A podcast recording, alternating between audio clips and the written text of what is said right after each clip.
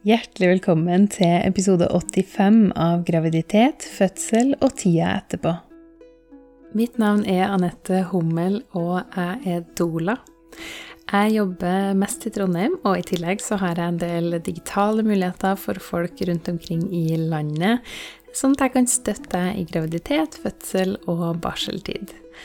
I denne podkasten så har jeg masse spennende gjester. Både kvinner sånn som deg, som forteller sine fødselshistorier, og ikke minst masse spennende eksperter som deler av sin erfaring og sin kunnskap rundt graviditet, fødsel og tida etterpå.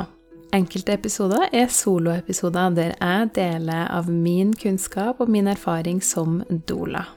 Innimellom så vil du også høre at jeg reklamerer litt for mine egne digitale eller fysiske produkter her i Trondheim. Da jeg føda min datter Pippi, så hadde jeg en helt fantastisk fødselsspilleliste som virkelig geleida meg gjennom fødselen på en nydelig måte. Og jeg kan jo ikke holde den for meg sjøl, så hvis du også har lyst til å ha denne nydelige spillelista, så kan du gå inn på anettehummel.com spilleliste. Nyt dagens episode. I dag har jeg med meg Mie Maria Rose. Hun er medskaper av det nye paradigmet hvor kroppslig autonomi og retten til å bestemme over eget liv er avgjørende. Hun er ei frihetselskende kvinne som elsker å lytte til den indre sannhet fremfor å finne svar utafor seg sjøl. Hun er psykomotorisk terapeut og radical birthkeeper utdanna fra Free Birth Societys skole. Hun har et medlemskap for kvinner som heter Ursøster, hvor kvinner fra hele Danmark samles i et frirom og blir støtta til å leve et autentisk, indreguida liv. Hun jobber særlig med kvinner som har opplevd ett eller flere fødselstraumer, og har stor suksess med å støtte kvinner til å bli frigjort og forløst av denne opplevelsen, sånn at de endelig kan tre inn i morskapet med en følelse av indre ro og dyp autentisitet og nærvær. I dag så skal Mie Maria fortelle sine fødselshistorier. En traumatisk fødselshistorie der en hjemmefødsel endte med overføring til sykehus, og en forløsende, nydelig fødselshistorie der hun rett og slett valgte å føde hjem uten jordmor eller annet medisinsk personell til stede. Rett og slett en fri fødsel. Hjertelig velkommen hit, Mia Maria. Takk. Det er kjempespennende å ha deg med her hele veien fra Danmark. Mm. mm. Og du skal fortelle din fødselshistorie i dag, og jeg, jeg, må innrømme at jeg er superspent. Jeg gleder meg skikkelig. Mm. Kan ikke du starte med å fortelle litt om deg og din familie? Hvem, hvem er du? Um, jamen, mit navn er Mia Maria, og jeg har to drenge sammen med Martin øh, med 20 måneders mellemrum, som jeg hjemmepasser, samtidig med, at jeg øh, har en lille hjertevirksomhed.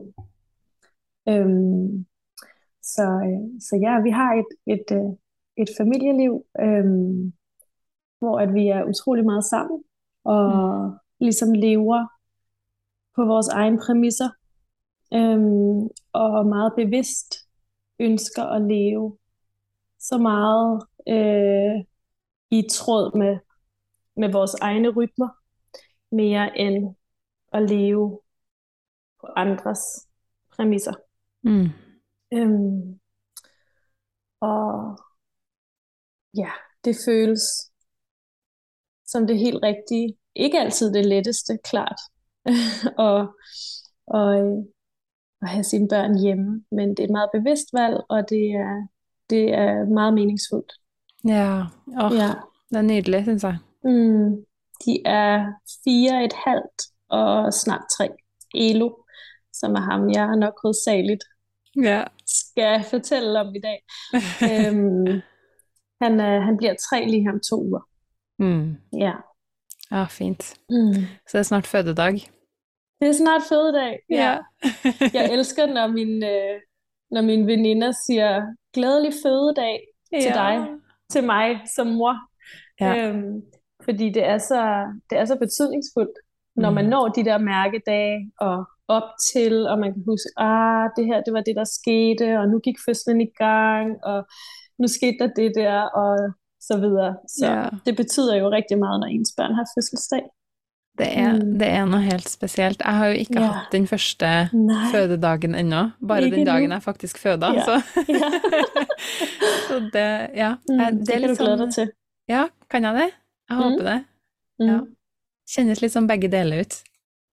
Det er klart, hvis man har haft en fødsel, som man ikke har været glad ved, Ja. øh, som, har, Mm. som har vækket noget traumatisk, Ja. så, øh, så er det selvfølgelig også en, en dag, som kan minde en om noget sorg.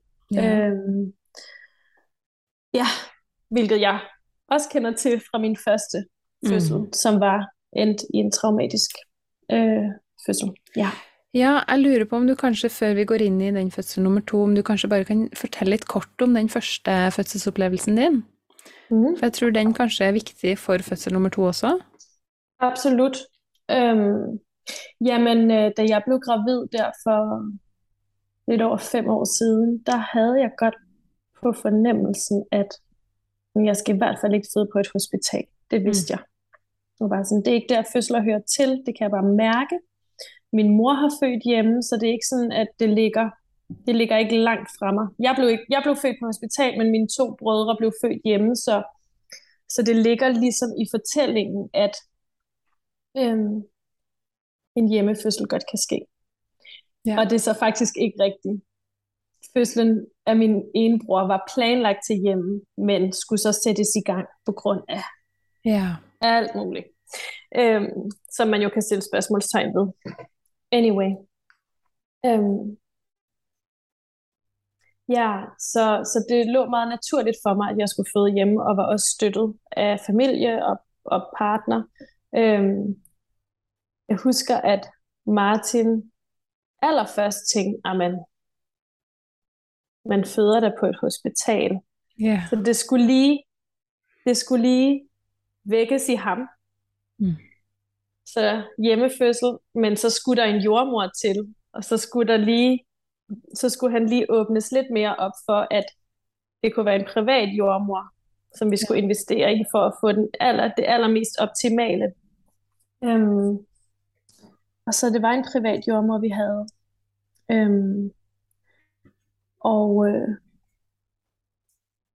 ja, den, den fødsel øh, umiddelbart øh, startede af sig selv. Det var sådan noget med, at hun begyndte at lave øh, akupressur og øh, akupunktur og sådan noget for at skulle sætte fødslen naturligt i gang. Hvilket jeg i dag også stiller spørgsmålstegn ved. Altså, skal vi overhovedet gøre noget for at sætte fødslen i gang? For fødslen går jo i gang. Der er ligesom Mm. ikke noget, der er ikke noget, vi skal gøre. Altså, en fødsel går i gang, og der kommer en baby ud.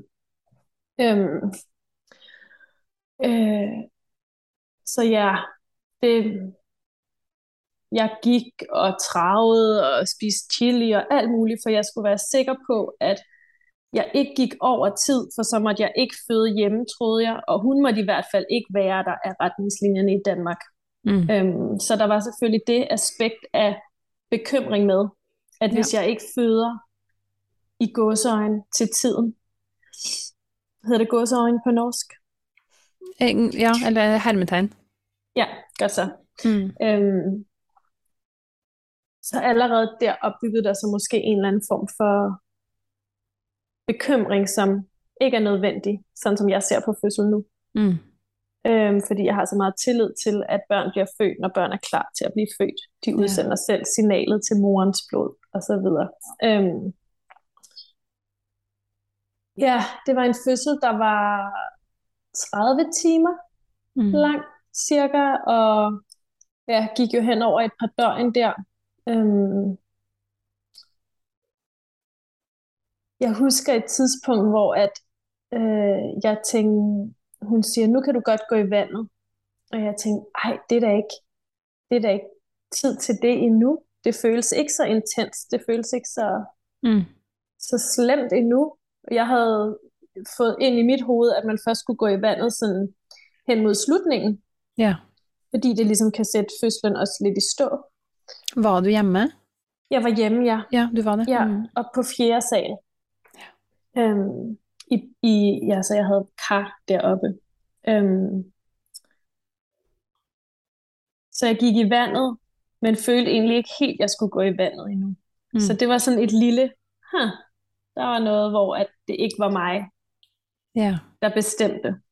Øhm, og jamen, vi sang, altså vi sang, og min kæreste spillede harmonium, vi lydhealer begge to, så Martins øhm, lyd og både, altså uh, hans stemme Mm. og harmoniet var meget, meget smertestillende for mig. Så det var sådan et meget smukt rum, og hun spillede shamans rum, så vi havde virkelig opbygget noget meget sådan fint og trygt og tillidsfuldt der.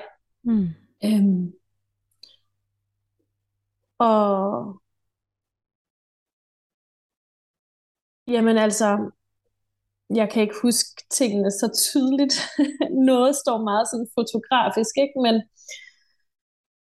øh, på et tidspunkt, der, der bliver jordmoren bange. Mm. Hun skal hele tiden måle hjertelyd. Og det er meget stressende for mig, kan jeg huske. Og det var faktisk også smertefuldt, hvilket jeg undrede mig over. Mm. Øhm, at det gjorde ondt at få den der dobler på maven, men det gjorde virkelig, virkelig ondt.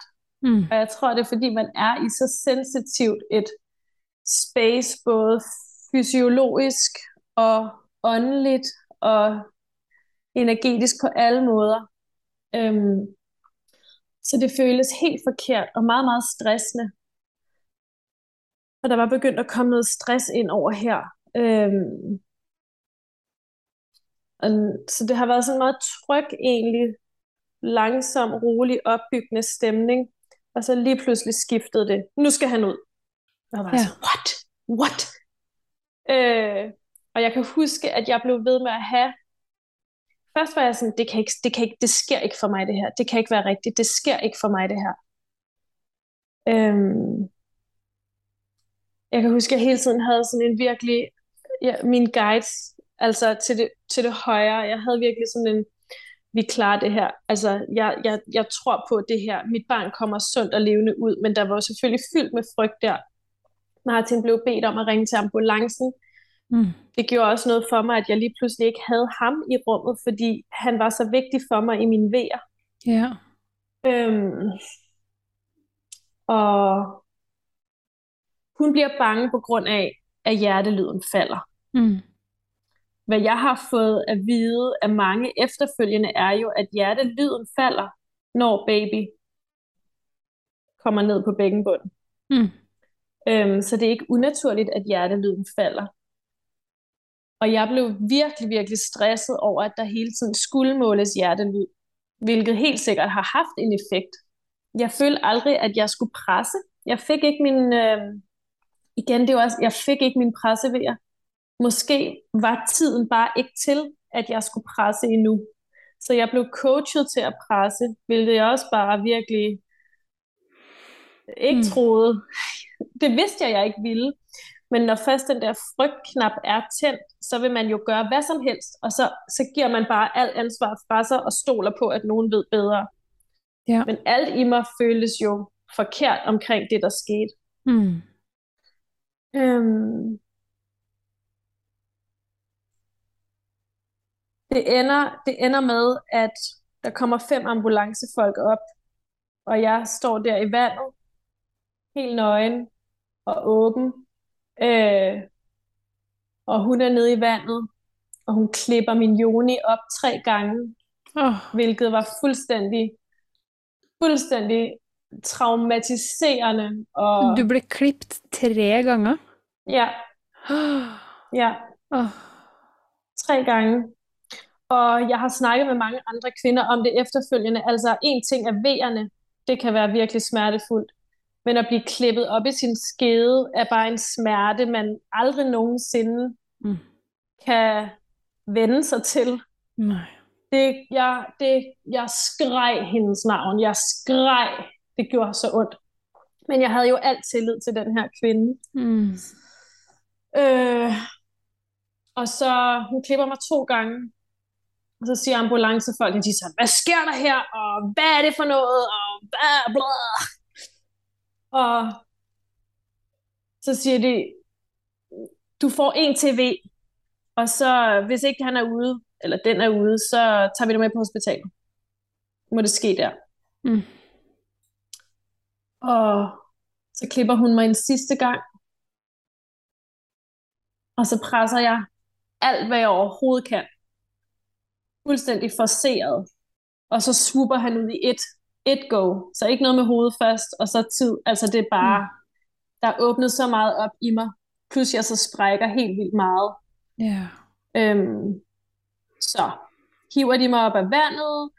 Øh, heldigvis så, jeg, altså jeg vil have pille på mig hele tiden. Så heldigvis under hele overflytningen bliver han ikke flyttet fra mig på noget tidspunkt, hvilket mm. øhm, er noget, jeg, da jeg skulle arbejde med traumet, virkelig hvilede i, at okay, jeg ved, at hans navlesnor har været intakt, og vores bånd her, det er ikke brudt. Øhm, så kommer der ligesom et traume oveni, som er, at øh, Martin ikke må få lov til at sidde med os inde i ambulancen. Mm. De to ambulancefolk må godt sidde der, men han må ikke. Og øh, jeg kan bare huske, hvor ked af det jeg blev, og efterfølgende, når vi snakkede om det, det var så traumatisk for ham, at han mm. skulle forlade sin kæreste og barn til nogle fremmede. Det er 12 meget lange minutter til hospitalet. Så kan jeg huske, at jeg spørger dem, om de ikke kan slukke lyset, eller dæmpe det. Øhm, og så får jeg at vide, at vi er jo på arbejde, og vi er her for at redde dit liv, så nej. altså virkelig ikke nogen indføling.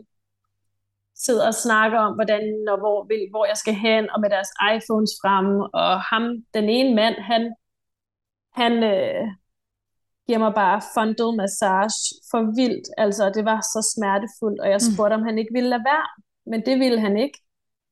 Og på det tidspunkt vidste jeg ikke bedre. Altså, jeg, jeg, jeg kendte ligesom ikke min, min ret nok, kan man sige. Mm. Øhm, på hospitalet ville de også give mig syntocinon, altså ja. det her kunstige oxytocin med det samme, fordi den der moderkage ikke var kommet ud her en halv time efter, hvor jeg bare havde været mm. i konstant stress. Ja, så rart, jeg, at den ikke havde kommet ud. Ja, meget, meget mærkeligt. Ja. Øhm, jeg kan huske, at i ambulancen, så tager jeg, Martin han havde, taget, han havde lige taget babydynen med, og så havde jeg den, og lagde den ligesom over mig og Pelle, mm. så vi kunne ligge i det der mørke, og nussede ham, og fortalte ham, at alt er godt, og ja. Mm. Øhm, jeg tror lige meget, hvor meget, for jeg kan også mærke, at jeg bliver lidt rørt nu, jeg tror lige meget, hvor meget man arbejder øh, med et fødselstraume,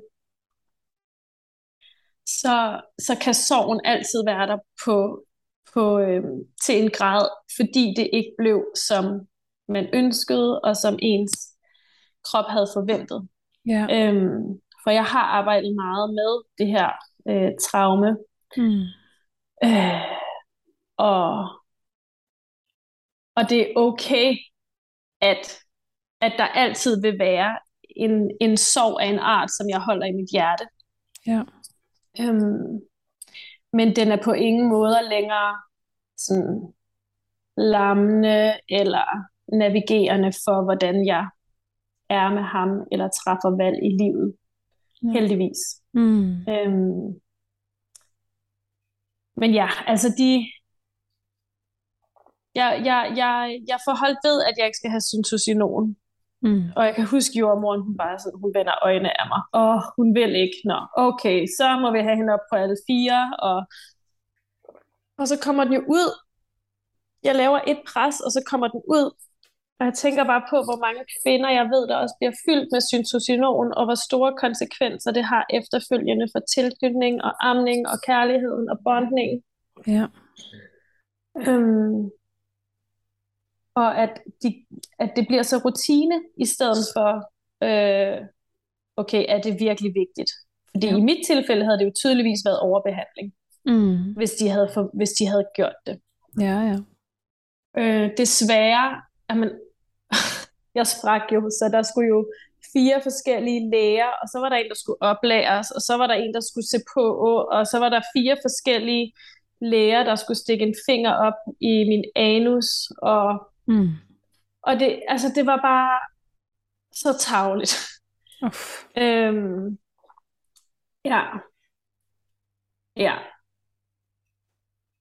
Men ja, vi ender med at blive der et døgn, fordi det hele er så uoverskueligt, og de vil jo ikke have, at Pelle skal ligge og sove på mig, hvilket vi heldigvis bare ignorerer. Mm. Øhm, ja, ja, ja, alt muligt, de vil måle og veje og så videre. Øhm,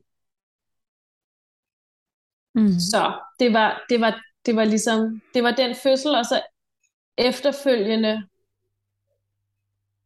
efterfølgende i lang tid, tror jeg ikke, jeg sådan helt forstod. Altså, der var jeg jo så taknemmelig for, at den her jordmor havde reddet mig. Ja. Men når jeg kigger på det nu, når jeg selv har studeret øh, fødsel, øh, og, og hvad jeg ved, hvad der føles sandt inde i mig, så ved jeg, at jeg godt kunne have født ham. Mm. Jeg ved godt, der var ikke noget galt. Ja, jeg var træt, hvilket er naturligt at være træt på det tidspunkt.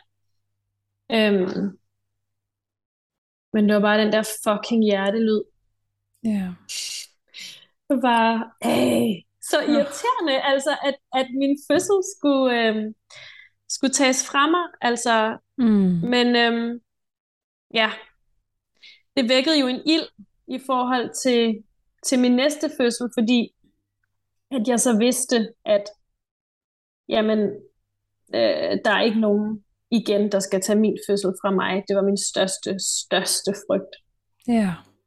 Øhm, og så var jeg begyndt ligesom sådan at høre om free birth, og lyttede, nej, jeg lyttede ikke til podcasten der endnu, men jeg havde en rigtig god veninde, som også arbejdede som doula, og virkelig sådan, nærmest sige frifødselsdoula.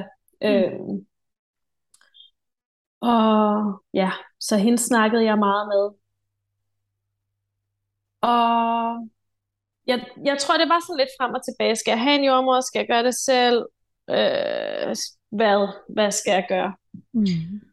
Og så er jeg til et meget stort event med Ibu Robin, og hvad hedder hun? Øh, hende, der har skrevet Orgasmic Birth. Ja. Has, ja. Um, ja, jeg, jeg skriver ja, det i episodeteksten. Jeg husker det ikke nå. Mm øhm, som Ibu Robin er en meget kendt jordmor fra Bali. Og øhm, der var rigtig mange jordmødre til det event, og rigtig mange dulærer, og jeg var faktisk den eneste gravid. Ja. Øhm, og de, skulle, de ville jo alle sammen godt røre ved min mave. Mm. Og så kan jeg huske Ibu Robin, så mærker hun. Så får hun lige den anden jordmor over. Kan du lige mærke her? Og var sådan, hvad, hvad, hvad sker der? Mm. Mm. Okay, han ligger forkert. Det er det, jeg får at vide. Ikke? Han, ligger, han ligger med numsen nedad. Og her, der er, jeg, der er det 20. juni, kan jeg huske. Og jeg er født 10. august, så det er sådan 6-7 uger, inden ja. jeg føder. Og der lå han i sætleje. Ja. ja. ja. Så jeg kan bare huske, jeg bliver bare fyldt med frygt. Mm. Fordi jeg tror egentlig der, jeg var landet på, om jeg skal have en jordmor med til min fødsel. Eller vent, nej, nej, jeg ville skulle have en free birth. Og så kan jeg huske, Ibu Robin, hun siger til mig, fordi det fortæller jeg til hende sådan, you deserve a midwife, siger hun. Ah. You deserve a midwife. Mm. Øhm, og, og på det tidspunkt stod jeg ikke sådan helt sikkert i min, tror jeg, tillid til min fødselskrop, fordi jeg havde jo fået lavet en historie om, at jeg ikke kunne føde mine mm. børn. Ja. Øhm, jeg kan huske den jordmor, der var forbi en privat igen. Øhm, jeg sagde, jeg er nødt til at få, få ændret den historie, fordi i min i mit hoved, der kan det kun gå den vej. Det er ligesom, jeg kan bare mærke, at, at min krop tror, at det er sådan fødsel er. Altså, mm. at det ender i en over, over trend, hvad hedder det? Øh, Overføring. ja. Ja. Øhm, mm. Og, og hvor hun sagde, jamen det er du jo også nødt til at planlægge med, for det kan jo godt være, det er det, der sker. Og så kunne jeg bare mærke, du skal ikke med til min fødsel. Mm. Fordi Nej, altså, ja, det kan godt være. Mm. Men det er så dybt inde i min cellehukommelse lige nu, at jeg virkelig skal få kodet ind igen, at jeg godt kan føde mit barn. Ja, men og slet ikke, det. Ja, og mm. slet ikke have det med som en, øh, en mulighed. Så øh, i hvert fald ikke en en meget åben mulighed. Det er fint, det er der. Det, jeg parkerer den som noget, det kan være, men det var virkelig en afkodning af alt det, der skulle ud af min krop og min sind. Øh. Ja. Men så gik jeg jo først ind i en proces af at tro, Gud han ligger forkert. Mm. Jeg må... Nu skal jeg gøre alt, hvad jeg kan for at vinde ham. Fordi det er det, man så bliver lullet ind i, Øh, på det tidspunkt, der er jeg stadigvæk i systemet i forhold til, at jeg går til tjek hos, øh, på hospitalet. Mm. Øhm, og da de så også opdager med sædeleje, så vil de jo tjekke mig hele tiden. Altså hver uge skal jeg komme forbi, og så blev jeg mailet den ene lægekonsultation efter den anden, uden at få at vide, hvad det var og hvorfor, og om jeg havde lyst overhovedet. Nej. Det var bare sådan, du er blevet skemalagt til tirsdag den 30. juli kl. 10. Okay, hvorfor? Med hvem? For det første, jeg vil ikke, og jeg kan ikke, og jeg... Yeah. Nej tak. øhm, for, og, og det er det, der er så interessant med systemet. Det fremstår ikke som tilbud. Nej. Det er ikke sådan, vi kunne godt tænke os, nej, altså det fremstår som, det er noget, man skal, og det ligger os så indbrud i os, at lige så snart vi er gravide, så skal vi ned til lægen og få det bekræftet og sat ind i schema. Ja. Ja, det er næsten som man ikke tror, at man faktisk er gravid, før man har været til ja. lægen og fået det bekræftet. ja, præcis. det er jo virkelig, det er jo bare så tillært, altså det er jo bare mm. på meget få generationer, at, at øhm, at det, vi har lært, at jamen, det er måden, man gør det på. Ja. Øh, ja, så hvor er jeg henne? Jeg er i, at jeg bruger mig og min kæreste der, vi bruger et par uger på at tage hen til en jordmor, som så skal hjælpe os med rebrusovending. Mm. Og det var en af jordmorerne også fra det øh, halvøje foredrag der. Øhm, så skal han vendes, og så skal Martin lære, hvordan man gør, og så skulle vi gøre det hver dag, flere gange om dagen, og så skulle jeg kravle rundt på alle fire, og så skulle jeg lægge mig på et strygebræt med numsen i vejret, minimum 20 minutter om dagen, mm-hmm. og mhm. gerne flere, og amen, jeg siger dig, det var stressende. Oh, ja. Det føltes så forkert. Mm og hvad jeg ikke købt ind i af meditationer og hypno altså af at skulle få ham til at vende sig. Og så kan jeg bare huske, jeg begyndte at lave, øh, gå til en kropsterapeut, også var jordmor, men som ikke sådan synderligt arbejdede med jordmorfaget, men faktisk virkelig en vis kvinde inden for jordmor. Øh, ja, sådan en af dem, man ville ønske, hvis man fødte på hospitalet, så var det hende, der var der. Ja. øh, fordi hun er ikke af systemet. Mm. Hun er ligesom bare i det. Øh, ja. ja.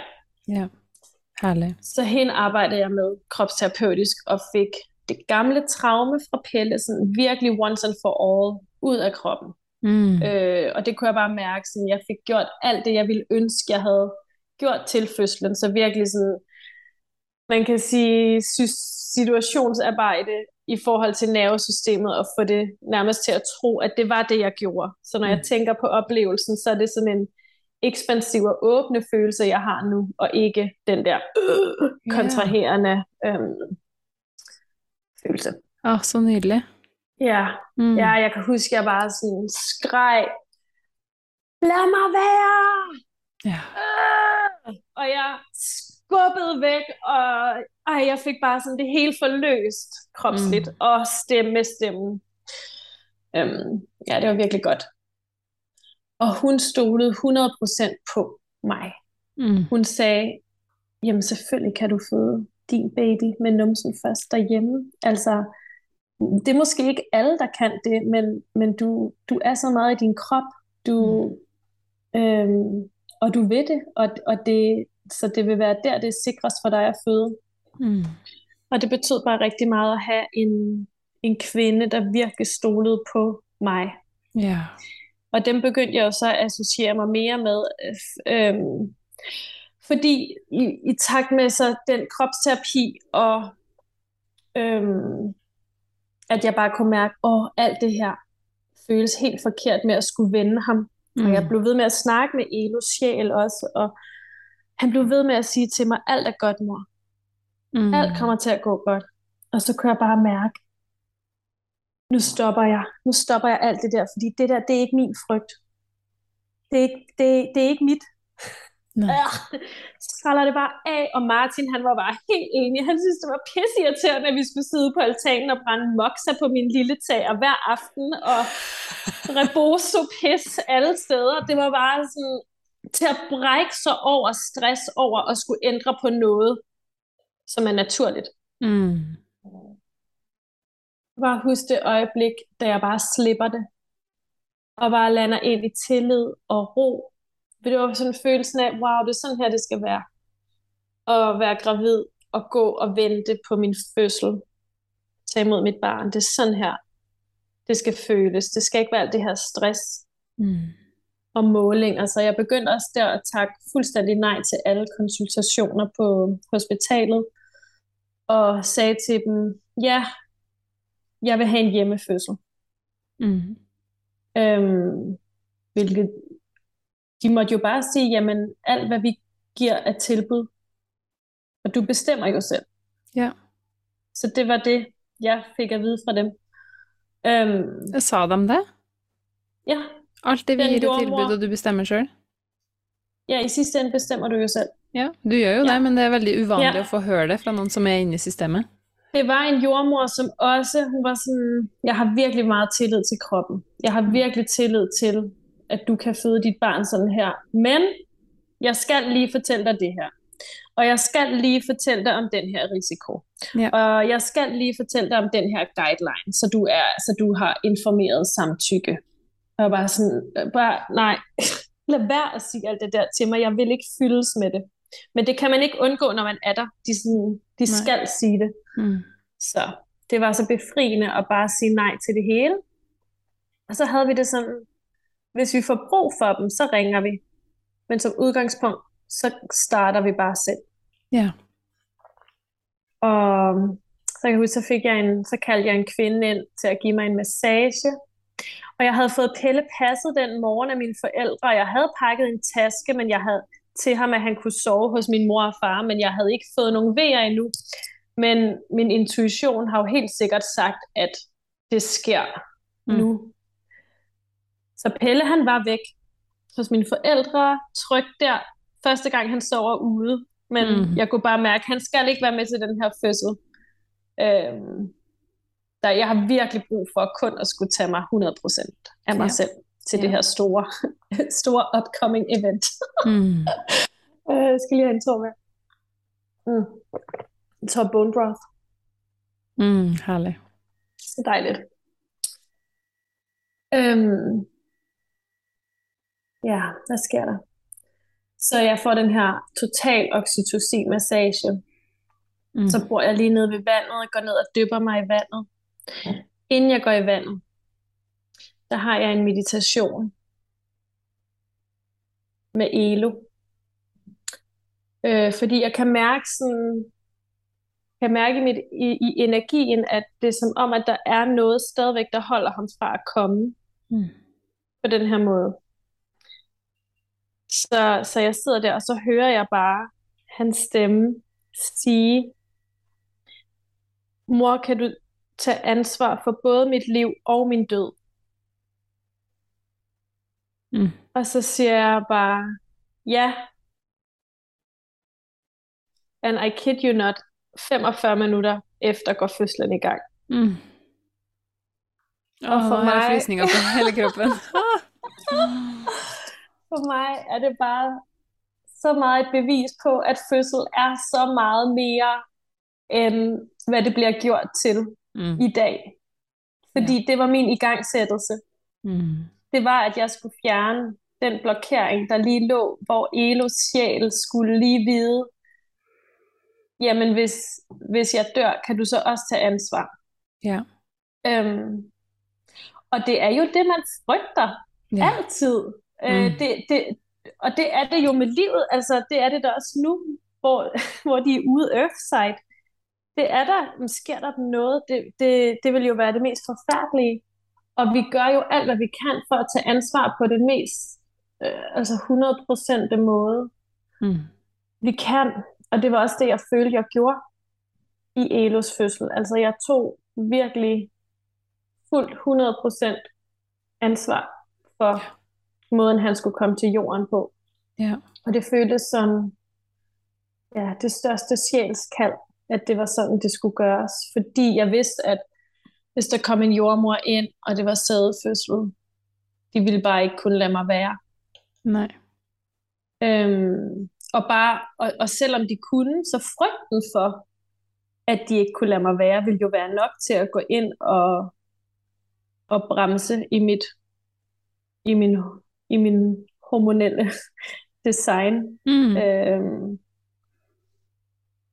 og jeg tænkte også sådan, åh, jeg ved, hvis de kommer, så overflytter de mig bare med det samme. Det var, jeg sådan, det var den fornemmelse, jeg havde. Øh, hvilket man jo selvfølgelig ikke kan vide. Men anyway, det føltes så sandt. Og jeg kan huske, at undervejs i fødslen, øh, som så kun var 3-4, fra første V til han er ude, går der fire timer. Wow. Ja. Men jeg var kun i sådan virkelig aktiv følelse fødsel i tre. Ja. Øhm, ja. Nå jo, jeg kan huske, at jeg, jeg, står, jeg står der med rumpen bar og bløder lidt og lægger lidt og, og tjekker ind med mig selv. Sådan, kunne jeg gøre det her på en operationsstue? For det er jo mm. det, man skal med en sædefødsel. Det er jo operationsstue og... Liggende på ryggen. Og... Liggende på ryggen. Og mm. Faktisk så ikke... De har så, de har så trods alt indset i Danmark, i hvert fald i Danmark, at sædefødsel øh, skal være på alle fire.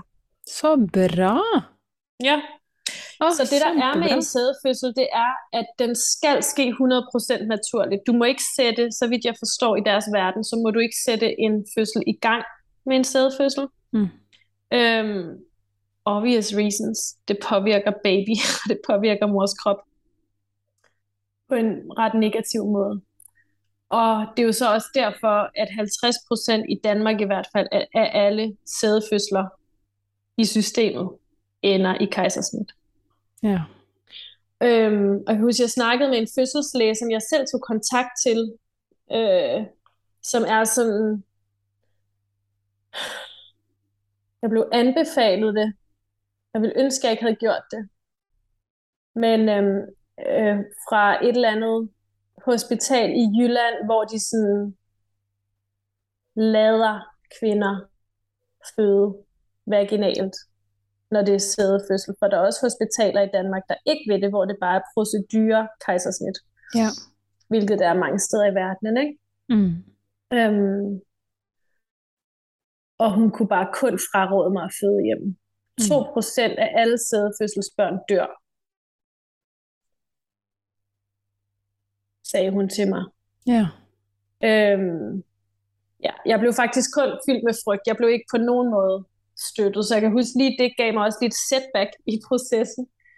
Øhm, men jeg fandt heldigvis tilbage til, til min egen sandhed. Ja, det er jo uansett en helt umulig statistikk å forholde seg til. Altså, Fuldstændig. hvis 2% av alle setefødsler dør, ok, men, men under hvilke forhold? Mm-hmm. Ikke sant? Præcis. Hvilke andre Præcis. risikofaktorer har vi Ja. med her? Ja. Mm. ja, og jeg gad også godt undersøge, okay, men, men, men hvor mange sæd, frifødselssædefødsler eller hjemmefødselssædefødsler dør? Mhm. Fordi indtil videre, så er det 100% overlevelse, hvad jeg ved af. Sant? Øhm, og total thriving Mm. efterfølgende, Mm. hvilket jo man heller ikke skal underkende. Mm. Øhm, ja, men så vi, vi, vi til fødslen, tilbage til fødslen, jeg får ringet, eller min kæreste ringer til min veninde, øh, Rachel, som er en radical birth keeper her i Danmark. Øh, hun kommer og bliver initieret også i frifødsel. Og øh, ja, hun er bare den bedste støtte for mig. Jeg har virkelig følelsen af, at jeg ikke kunne have gjort det uden mit team Mm. af, af min kæreste og hende, fordi de var bare, ja, men igen, jeg bliver helt rørt, fordi det var bare så, de var så støttende, og igen, jeg havde brug for Martin i stort set alle vejer. Jeg havde brug for hans hænder på mig, og hans lyd, som er så smertestillende. Mm. Altså det kan jeg virkelig anbefale ud til alle, der lytter. Lydhealing er så smertestillende. Og jeg havde Mm. først øh, for mange år siden oplevet, det, at det fjernede mine menstruationssmerter. Wow. Så har det har bare været så naturligt for os at gøre det også i begge fødsler. Øhm, ja. Men hva er det for noe? Er det noe, er det noe spesielt, liksom? Som... ja, altså vi har begge to studeret hos Gita Ben David, som er øhm, kone til Lars Muhl, som er sådan en mystiker i Danmark. Så der er mange, der kender dem øh, i rundt i hele verden, men hun har en uddannelse, der hedder Tonen fra himlen, The Note from Heaven. Ok. Og øh, ja, vi er begge to i forvejen kropsterapeuter, og har så ligesom bygget ovenpå med det her redskab. Så lydhealing er ligesom noget, terapeuter har brugt siden tidernes morgen, som jeg kan forstå det. Fordi lyd er jo vibration, og, og, og går jo ind og påvirker øhm, vandet i kroppen, cellerne i kroppen, hvad ved jeg. Det kan Ja, ja. sikkert ikke videnskabeligt dokumenteres, men det fucking virker. Men vi er Um, jo vibrasjon. Altså, det er jo alt, det. alt er jo vibrasjon, så det er jo Ja. ikke noe rart at man blir påvirka Nej. av vibrasjon. Nej, nej. Jeg gad virkelig godt øh, lave øh, fødselskursus i at give lyd, altså i hvordan man kan bruge lydhealing, øh, både selv, men også altså, undervise partner i det, fordi det er virkelig smertestillende. Ja. Jeg havde sågar orgasmer øh, i den her fødsel, i, min, i mange af mine vejer, Mm. øh, hen mod slutningen. Jeg kan huske, jeg, jeg var sådan, jeg lå på den der bold, og så tænkte jeg, okay, jeg havde hørt fra en veninde, hvad hun gjorde, så tænkte jeg, det prøver jeg. Det er ligesom om, det her, det kan enten gå, det kan gå to veje. Enten kan det gå i smerte, eller så kan det gå i ren pleasure. Mm. Og det var virkelig mit sind, der sagde, jamen jeg vælger pleasure. Jeg vælger den vej. Og så var det bare sådan en åbning. Altså det var virkelig sådan, jeg, jeg overgiver mig fuldstændig. Jeg holder intet tilbage her. Og så fik jeg bare orgasmer, og det var bare sådan, det var så vildt. ja. Øhm, Wow. ja, ja, og Martin lydhilede på maven imens, og ja. Og det, det, det heldige er, Rachel laver kun én video af hele den fødsel, og det er 16 sekunder af orgasmen. Heldigvis. ja, det kan være, jeg skal sende dig, øh, sende dig den video, Annette, Åh, så kan du veldig dele den. Ja, Veldig Mm. det er possible. Øhm, ja, så kan jeg huske, at øhm, vi får... Ja, det her, det har helt sikkert været transition øhm, på det her tidspunkt. Fordi der er jeg bare sådan, nu skal jeg have vand, jeg skal have badekar, og det var ikke pustet op, og øh, Martin var jo på mig, og ja, Rachel holdt rummet energetisk, som var også super vigtigt. Øhm, og så siger hun bare lige pludselig, Mia, your baby is coming. hun kunne bare se sådan en vagina, der var åbnet sig. Og så var jeg sådan, okay, jeg skal over, over på sofaen, over at ligge. Jeg havde hørt, jeg havde, en lille note. Kvinder, der føder frit, det er jo ikke bare noget hasarderet, øh, random, man lige finder på at gøre. Altså, man, det er i hvert fald det, jeg selv gjorde, det er også det, jeg hører andre. Altså, man undersøger, man lytter til mm. andre kvinder, der har gjort det samme. Det er virkelig altså en beslutning med, der er mange, det er fuld overlæg, og der er, der er tanker ja, og det er ikke tilfældigt. Det er ikke tilfældigt, tak. Mm. Øhm, så jeg havde ligesom undersøgt det der med, okay, det skal være på alle fire. Og jeg havde også fået en coaching af Emily Saldea fra Free Birth Society, øhm, som også bare var sådan, but you will know what to do. Mm. Jeg kan huske, det rungede i mig. Altså, det, efter jeg havde haft sessionen med hende, var sådan, you will know what to do. Ja. Yeah. Og det var bare, ej, det var bare den største tryghed at kunne læne mig ind i det. Ej, ja. Plus at hun så lige kunne guide mig til, okay, jamen alle fire, det er det bedste, når man sidder fødder. Tit siger hun, så kan de folk, der er omkring, få lyst til at, fordi det ser, det ser forkert ud mm. på en måde. Unaturligt, at baby hænger der med hovedet inde. Ja. Så for folkene ude omkring, kan der godt være en lyst til at skulle hive for at hjælpe. Og hun sagde bare, at det er bare sådan, det sidste, man overhovedet må gøre. Det er totalt hands-off. Og dra, ja. Ja, dra. Ja, ikke dra. Mm. Ikke dra. Kun mor, sagde hun. Hvis du lige pludselig som mor mærker, nu skal han ud, ja. så hiver du. Men du ved det. Som udgangspunkt ingenting. Mm. Og jeg skulle virkelig vide det ned til detaljen. Jeg var sådan, okay, men må Martin godt altså holde ligesom på hans numse, sådan holde ham, så han ikke bare hænger der. Ja, ja, ja men intet, ingen bevægelse. Mm. Og Martin begyndte allerede at tale til baby, da han hang der og bare, velkommen, og vi elsker dig. Og han var bare sådan, du klarer det så godt, Mia, det er så flot. Og ja, det var virkelig... Nå, så kan jeg huske, at jeg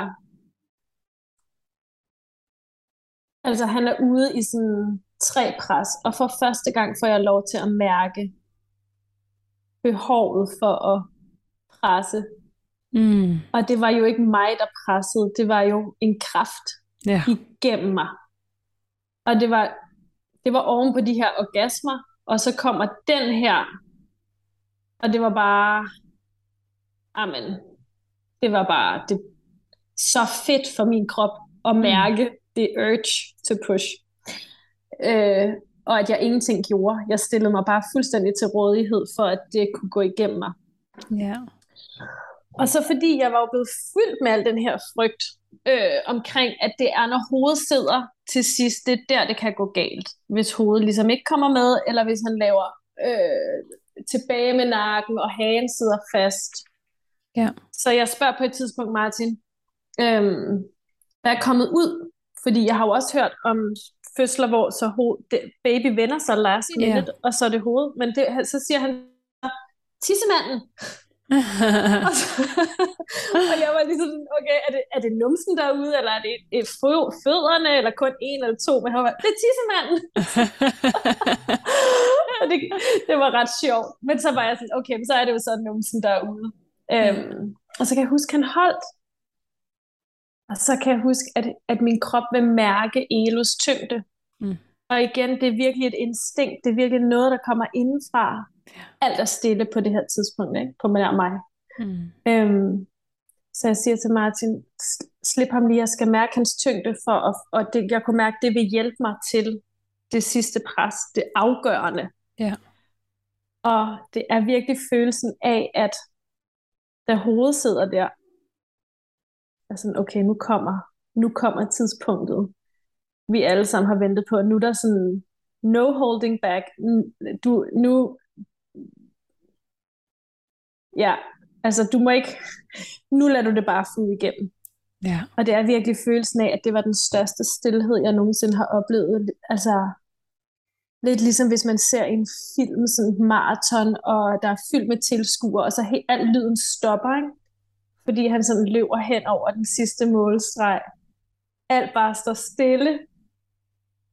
Det var den følelse. Det var ikke det billede, jeg havde dengang, men det er bare for at prøve at beskrive det. Mm. Og så kommer der bare det her pres af sig selv, og så er han bare ude. Ja. Wow. Så var han der bare, og Ja. der var ikke noget galt med ham. Alt var godt.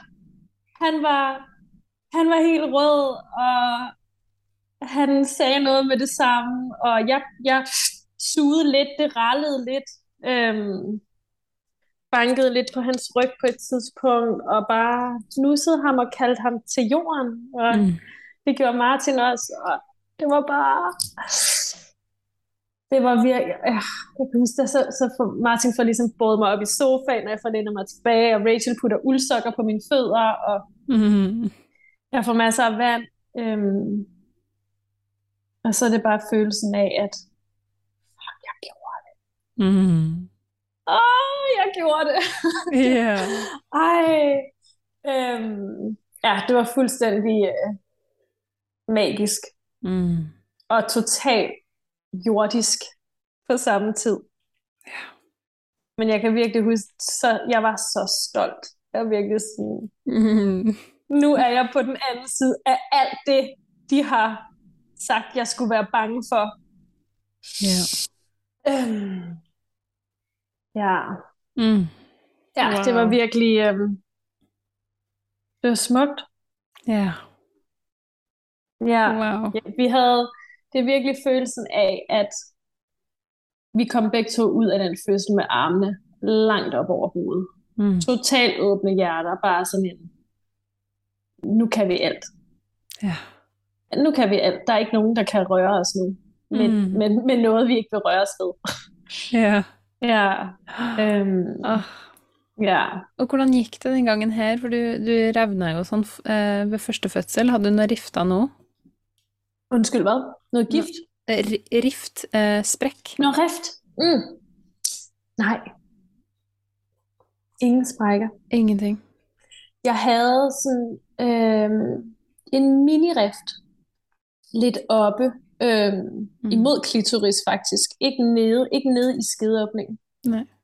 men lidt oppe. Øhm, og øh, og det, det healede jo bare af sig selv. Ja, ja. Ja. Mm. Mm, Fint. ja. Ingen rift, og igen, det er jeg sådan helt overbevist om, at det er fordi, jeg gjorde det selv. Mm. Der var Ja. ikke nogen forstyrrelser til at tage mig ud af mit element. Det har mye å si. Fuldstændig. Mm. Mm, Ja. Wow. ja. Ja. Og, Mm.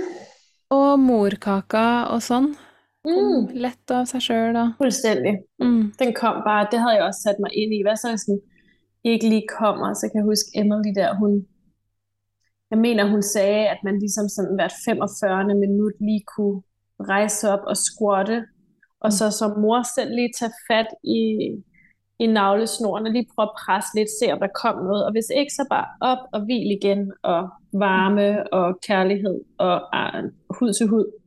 Ja. Men, men jeg mindes vidderligt, at den kom inden for, jeg synes, den kom inden for en halv time. Ja. Det er jo kjempefint. Ja, der Mm. var intet. Øhm, og så lå vi den sidde på til hen ad natten. Det her, så jeg fødte ham klokken 9 om aftenen. Nej, klokken 8. Mm. Og jeg mener, det er ved en trætiden om natten, at vi klipper den af og laver en lille ceremoni. Øhm, Ja. lægger navlesnoren op på øh, et alter, Martin havde lavet, og så kommer Rachel dagen efter, og, og ligesom ordner moderkagen med tryk, og med cutter i stykker, til jeg kan få smoothies de næste mange dage. Ja. Placenta smoothie. Og så resten i fryseren, til jeg godt ville have lavet øh, homeopatisk medicin af det. Mm. Fint. Jeg kan huske, inden Rachel smutter, så kigger hun bare dybt på mig og, og holder på mig og bare siger sådan, I will treasure this moment in my life forever. Mm. Altså, vi var bare alle sammen himmel, himmelrygte. Wow. Ja, Ja, Ja. fantastisk. alt var godt. Alt var godt. For en mestring, for en, for en empowerment. Mm, Mm. mm, ja. Wow. Mm. Hvordan var, hvordan var tida etter eh, fødsel? Mm. Pelle, han kom hjem om morgenen med mine forældre. Og øh, ja, kommer op der til sengen og møder sin lillebror. Og lægger sig selv til at amme på mig. Ja. Øhm, så i de første måneder, der ammede jeg begge to. Mm. Hvilket jeg havde haft sådan en idyllisk naturkvinde øh, billede af, hvordan det ville være. Og det var seriøst bare ikke særlig rart. Og amme to. Og slet mm. ikke på samme tid. Plus Pelle ville amme endnu mere, nu når mor var ikke lige så tilgængelig. Ja. Øhm, så hvis jeg nu... Hvis, det kan jeg virkelig ikke anbefale.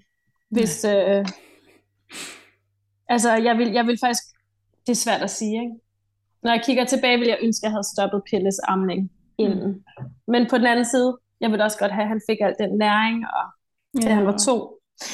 Så anyway, det var en proces at få ham afvendet der. Men øhm,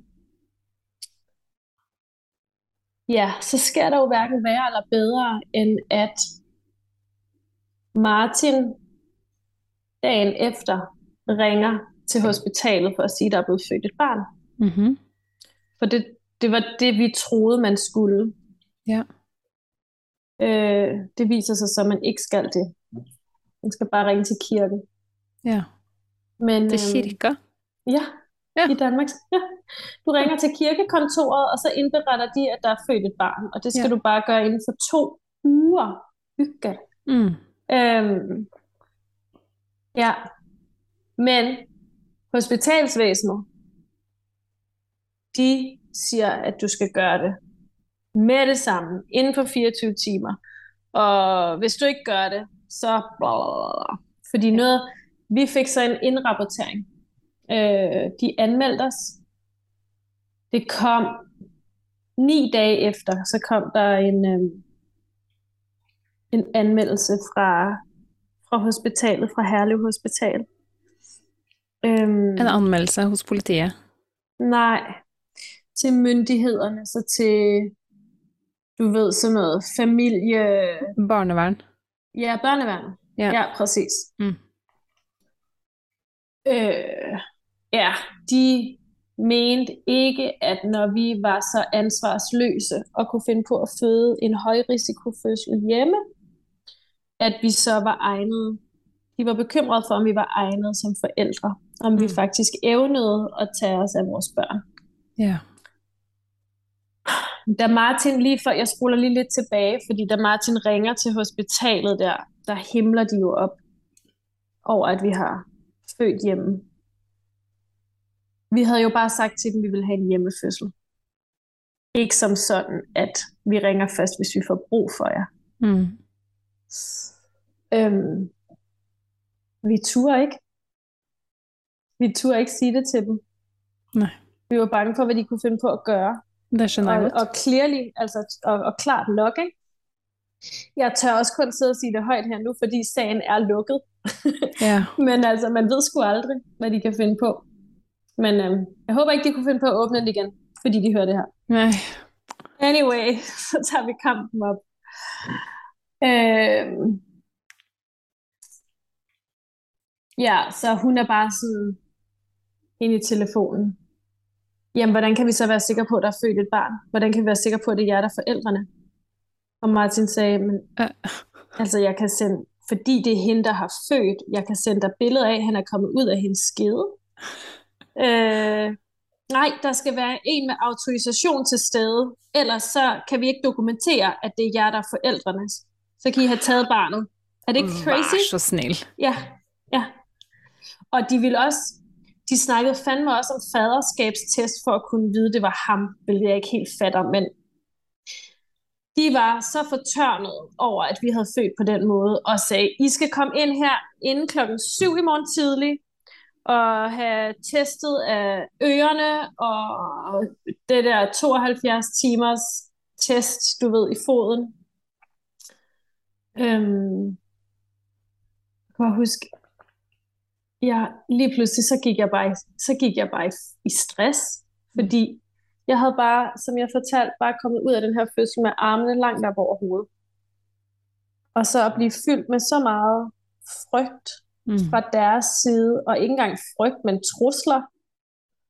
Øhm, Martin tog sig af al snakken med dem, så det var ikke noget som sådan, jeg skulle forholde mig til, men jeg var bare sådan, vi tager ikke på hospitalet.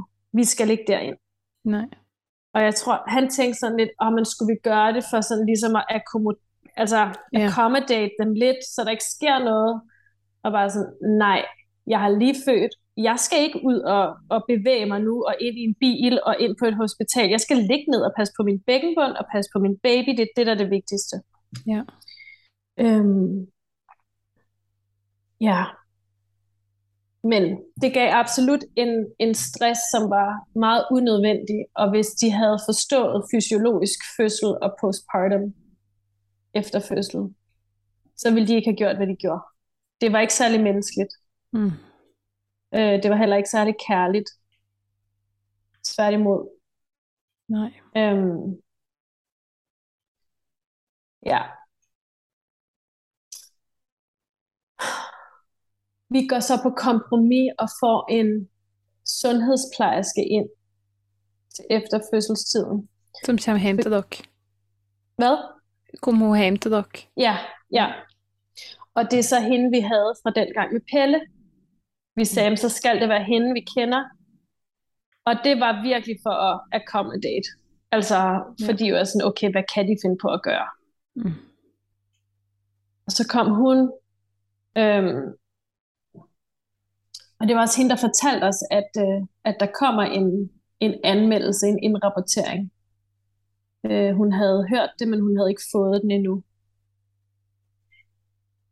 Og så måtte vi så der nogle uger efter op på kommunen og forklare os. Og, øhm, og det gik skide godt. Altså fordi de havde jo ikke noget at have det i. Der var ikke noget. Nej. Vi havde ikke gjort noget ulovligt. Øhm, vi havde et sundt og rask barn. Mm. Og det var tre, det var to kvinder fra systemet, sådan nogle familierådgivere. Og så havde vi så fået øh, faktisk sundhedsplejersken med som bisidder, fordi hun var så kærlig og varmt et Mm. menneske i systemet, som ligesom kunne være en valid kilde til at sige, der er ikke noget med de her forældre. Det er gode forældre. Mm. Øhm, så det faktisk, det var, hun startede mødet med bare at- at sige noget i retning af det. Altså, det her, det er fuldstændig, fuldstændig uhørt. Og Ja. øh, der er ikke noget. Mia og Martin er, altså, de er bedre end Mm. de, de, de, de bedste forældre. Der er ikke Mm. noget. Øhm, og så Martin havde virkelig suitet op, og han er sådan en meget høj, flot mand. Øh, og, og så tog han sig til hjertet, og så begyndte han at fælde tårer, altså oprigtigt. Mm. Øhm, og, og de her kvinder blev jo selvfølgelig rørt af det, men han var sådan at få betvivlet, om man er egnet som forældre, og om man ikke har taget ansvar, når vi faktisk føler, at vi har taget det største ansvar. Mm. Og alt det, der er sket efterfølgende af stress og trusler, det, føl, altså, ja, det føles bare helt forkert og dybt uacceptabelt. Øhm, og de kunne kun give os ret, de der kvinder. Ja. De sagde også, at vi har aldrig oplevet noget lignende. Vi har aldrig oplevet den her form for indrapportering.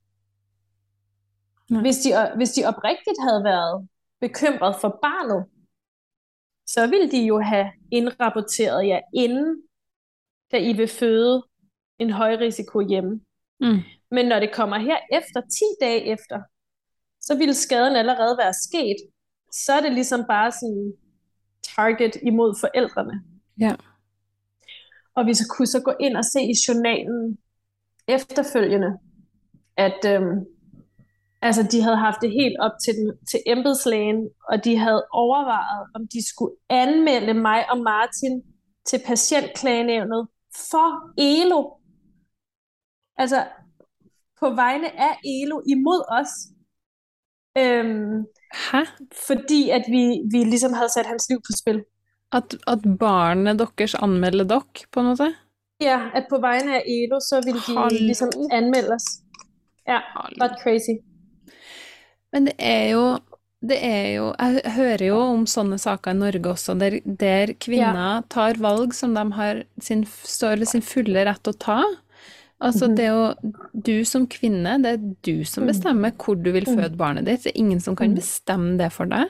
Mm -mm. Eh, og det er du som bestemmer altså, hvor mye og hvilken type svangerskapsoppfølging du ønsker. Det er ingen som kan Mm. bestemme det for deg heller. Og likevel Absolutt. så er det Ja. kvinner og familier her i Norge også som blir meldt til barnevernet fordi de har takka Mm. nei til ultralyd, f.eks. ja, det er altså helt crazy. sånn. Det er jo helt sykt. Men altså, de har jo ikke noe sak, ikke Mm. sant. Det blir jo meldt til Mm. barnevernet, og så blir det jo Mm. henlagt, for de, altså, det er jo Mm. ikke noe sak. Mm -mm. Men det er, så, det er så unødvendig, og det er jo som du sier, det blir liksom stress og negativitet og frykt som blir Mm. blanda inn i en veldig viktig tid i, eh, Mm. med tanke på tilknytning. Ja, det Det, det. er så ødeleggende. Ja, ja, ja. Så, så det er jo også det. Det er jo ikke et system, der som sådan... Jo, selvfølgelig er der fantastiske mennesker inde, der arbejder inde i systemet. Men systemet er ikke øh, capable. Altså, det er ikke, det er øh, ikke egnet til at kunne tage sig af individet, unikke tilfælde og mennesker. Nej. Det kan det bare ikke. Og, og jeg synes, når de begynder at anmelde os, for, altså for at føde, i virkeligheden er det jo ikke en frifødsel, det er jo bare en fødsel. Det er jo bare fødsel, som det altid har været. Jeg havde, ja, jeg havde en radical birth keeper med. Jeg havde, altså, jeg havde et traditionelt fødselsvidne, kan man sige, Mm. som har været til fødsler før. Ja, hun har ikke nogen uh, medical license helt med fuld overlæg. Øhm, og det er jo sådan, kvinder altid har født Ja.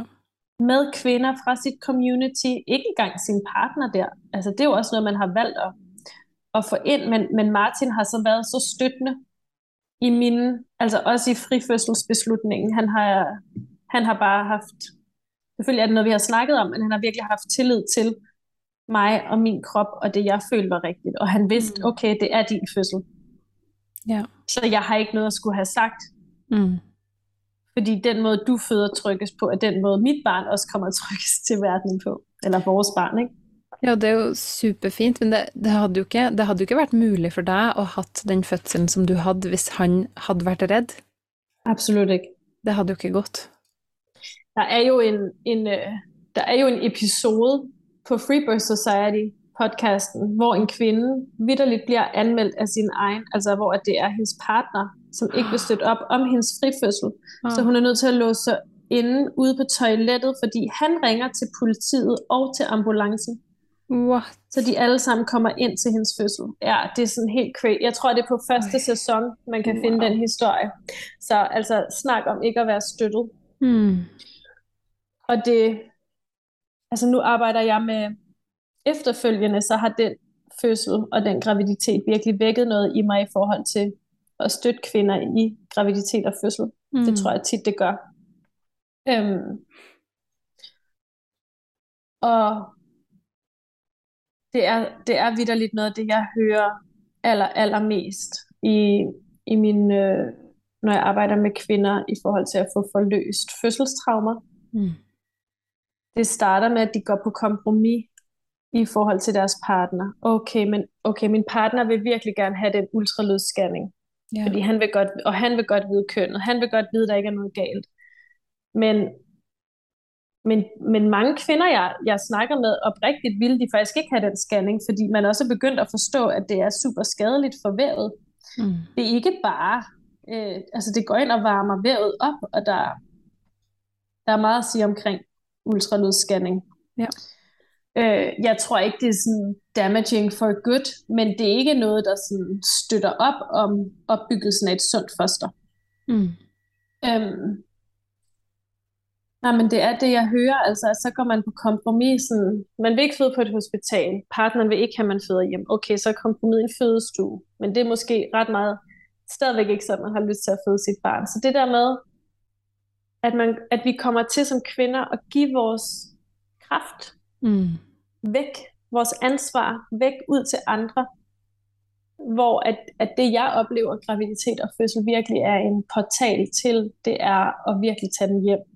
Ja. Og virkelig lytte. Og det, det er jo så, med det siger jeg jo så heller ikke, at frifødsel er for alle, fordi det er det jo absolut ikke. Mange vil ikke være trygge ved det. Og igen, hvorfor ikke?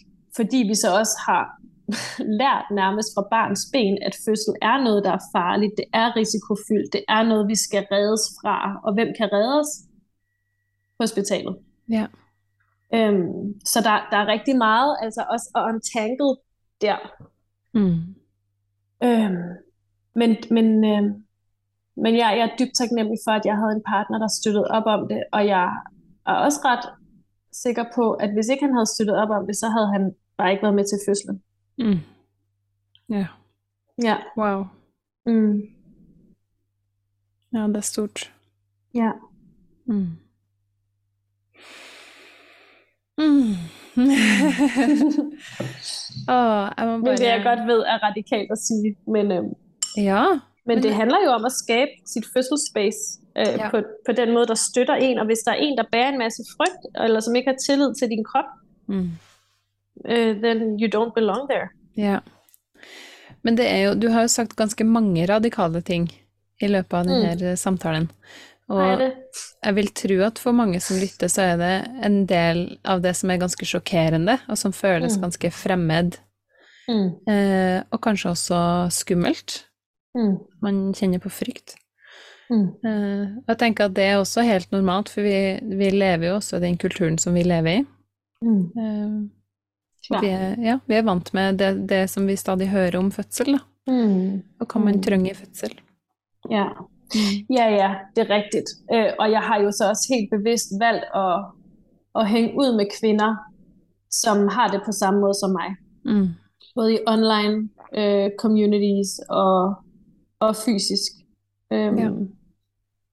Være sammen med kvinder, som har meget de samme sådan, fritænkende værdier. Mm. Men jeg har da masser af venner, der både har en jordmor til stede til sin hjemmefødsel, eller som vælger at føde på hospitalet, og vi er jo ikke mindre venner af det. Sant. Øhm, Mm. det er bare så smukt at kunne være i fællesskaber, hvor vi kan støtte op om, at du går din autentiske vej, og jeg går min autentiske vej. Øhm, Ja. og jeg kan meget hurtigt, det ved jeg, det er en tendens helt fra barndommen, jeg kan meget hurtigt fremstå sådan dogmatisk.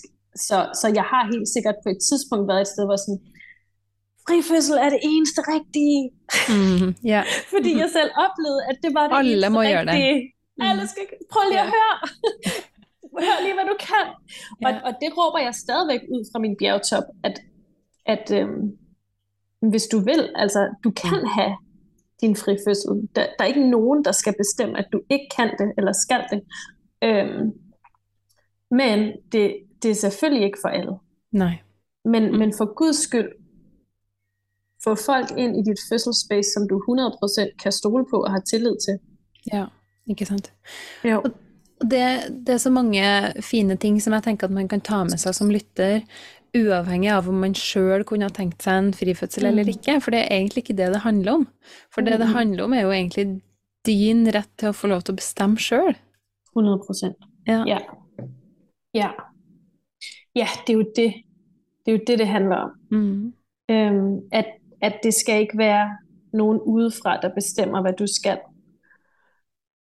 Og så er det altså også, altså jeg blev jo vækket til det her.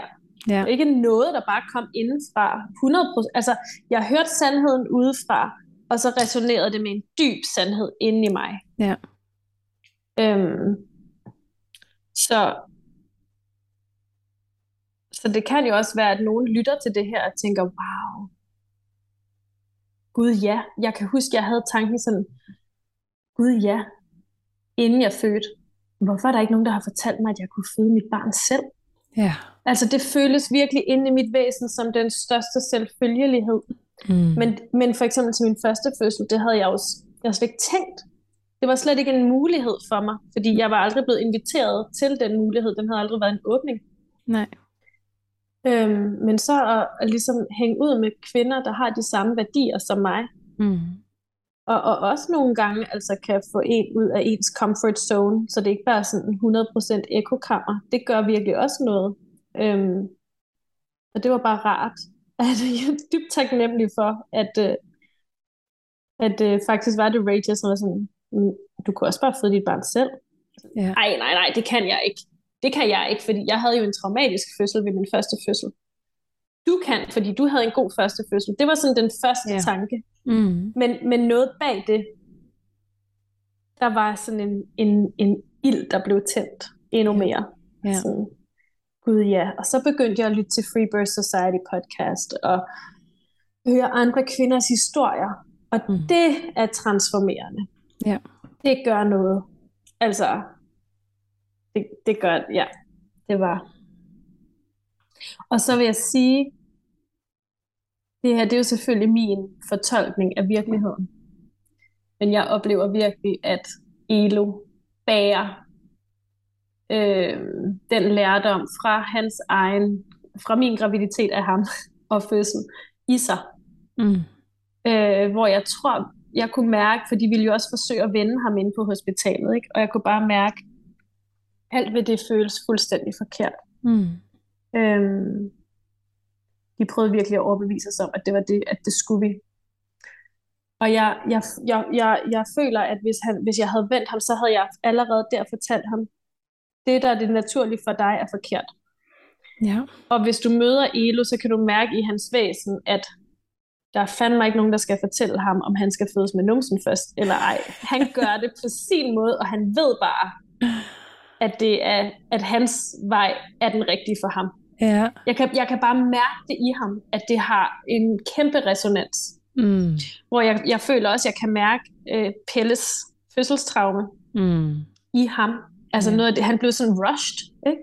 Og, øh, og, og det der med at møde nye mennesker også, det han også sådan, øh, der, der, er nogle, der er noget, mm. hvor jeg fornemmer, at fødslen har haft øh, konsekvenser for måden, måden de to væsener er på i verden. Ja. Ja. Ja, jeg tror absolutt at, at måten vi blir født på, har mye å si for, for hvordan vi, vi står i verden. Mm. Mm. Mm. Ja. Uten tvil. Ja. Har du Mm. noen ressurser som du har lyst til å dele til, eh, med andre gravide eller småbarnsforeldre? Du har jo delt noen underveis. Hvad siger du, nogen hvad? Ressurser, så det kan være bøker eller nettsider eller podcast eller mm. Ja, altså virkelig, altså Free Birth Society, det er der, Mm. jeg henviser stort set alle til. ja. den podcast. Ja. Øhm, der er kvinder fra hele verden, der mm. fortæller deres frifødselshistorier. Og man får virkelig sådan, hvis de kan, jamen så kan jeg jo også. Hvis hun kan, hun er jo en normal kvinde, Ja. så kan jeg jo også. Og du hører kvinder, der efter det ene kejsersnit og det andet kejsersnit og så videre, vælger at føde hjemme, vælger at føde tvillinger hjemme, vælger at føde sædefødsler hjemme, vælger, altså, mm. og at de, dem, der i systemet er for tykke, eller for tynde, eller babyen er for stor, eller babyen er for lille, det er bare sådan, nej, Mm. nej. Og det er bare, det gjorde rigtig meget for mig at lytte til den podcast. Ja. Og ja, så, øhm, så lyttede jeg til, jeg læste en bog, uh, Unassisted Childbirth af Laura Kaplan Shanley. Øhm, ja, Fint. ja. Ja, og så vil jeg sige, altså, sørg for at fylde dig selv med, med, med, med gode his, med, med, med historier, der vibrerer. Ja. på, på din frekvens, fordi rigtig mange læ- læser jo så også Ina May Gaskin, og det gjorde jeg også i min første fødsel, men det er jo stadigvæk jordmor-assisteret fødsler, hvilket der ikke er noget galt i, men det, der er stadigvæk nogle indblandinger og, og nogle ting, som, ja, det er positivt. Jeg havde bare brug for et andet level af positive historier. Ja. i min anden graviditet. ja. Øhm, Der kvinnene klarer det helt på egen hånd. Ja, Ja. vidderligt. Ja, Mm. mm. det var det, fordi det var det, jeg vidste, jeg skulle. Så det var Mm. selvfølgelig også det, jeg havde brug for at fylde mig selv med. Ja. Øhm, ja, og så få hjælp, altså få støtte. Det er, det er et vigtigt event, så det er, for mig var det så øh, altafgørende, at jeg trak mennesker ind, som kunne hjælpe mig på min vej til præcis det, jeg havde brug for. Så en kropsterapeut der, en free birth mentor der. Ja. Øhm, det var virkelig sådan, jeg er villig til at investere i det her. Mm. Fordi jeg investerer i mig selv, og jeg investerer i min baby og min fremtid. Og, ja. øhm, så der vil jeg ikke spare. Kæmpefint. Vil jeg sige. Ja. Mm.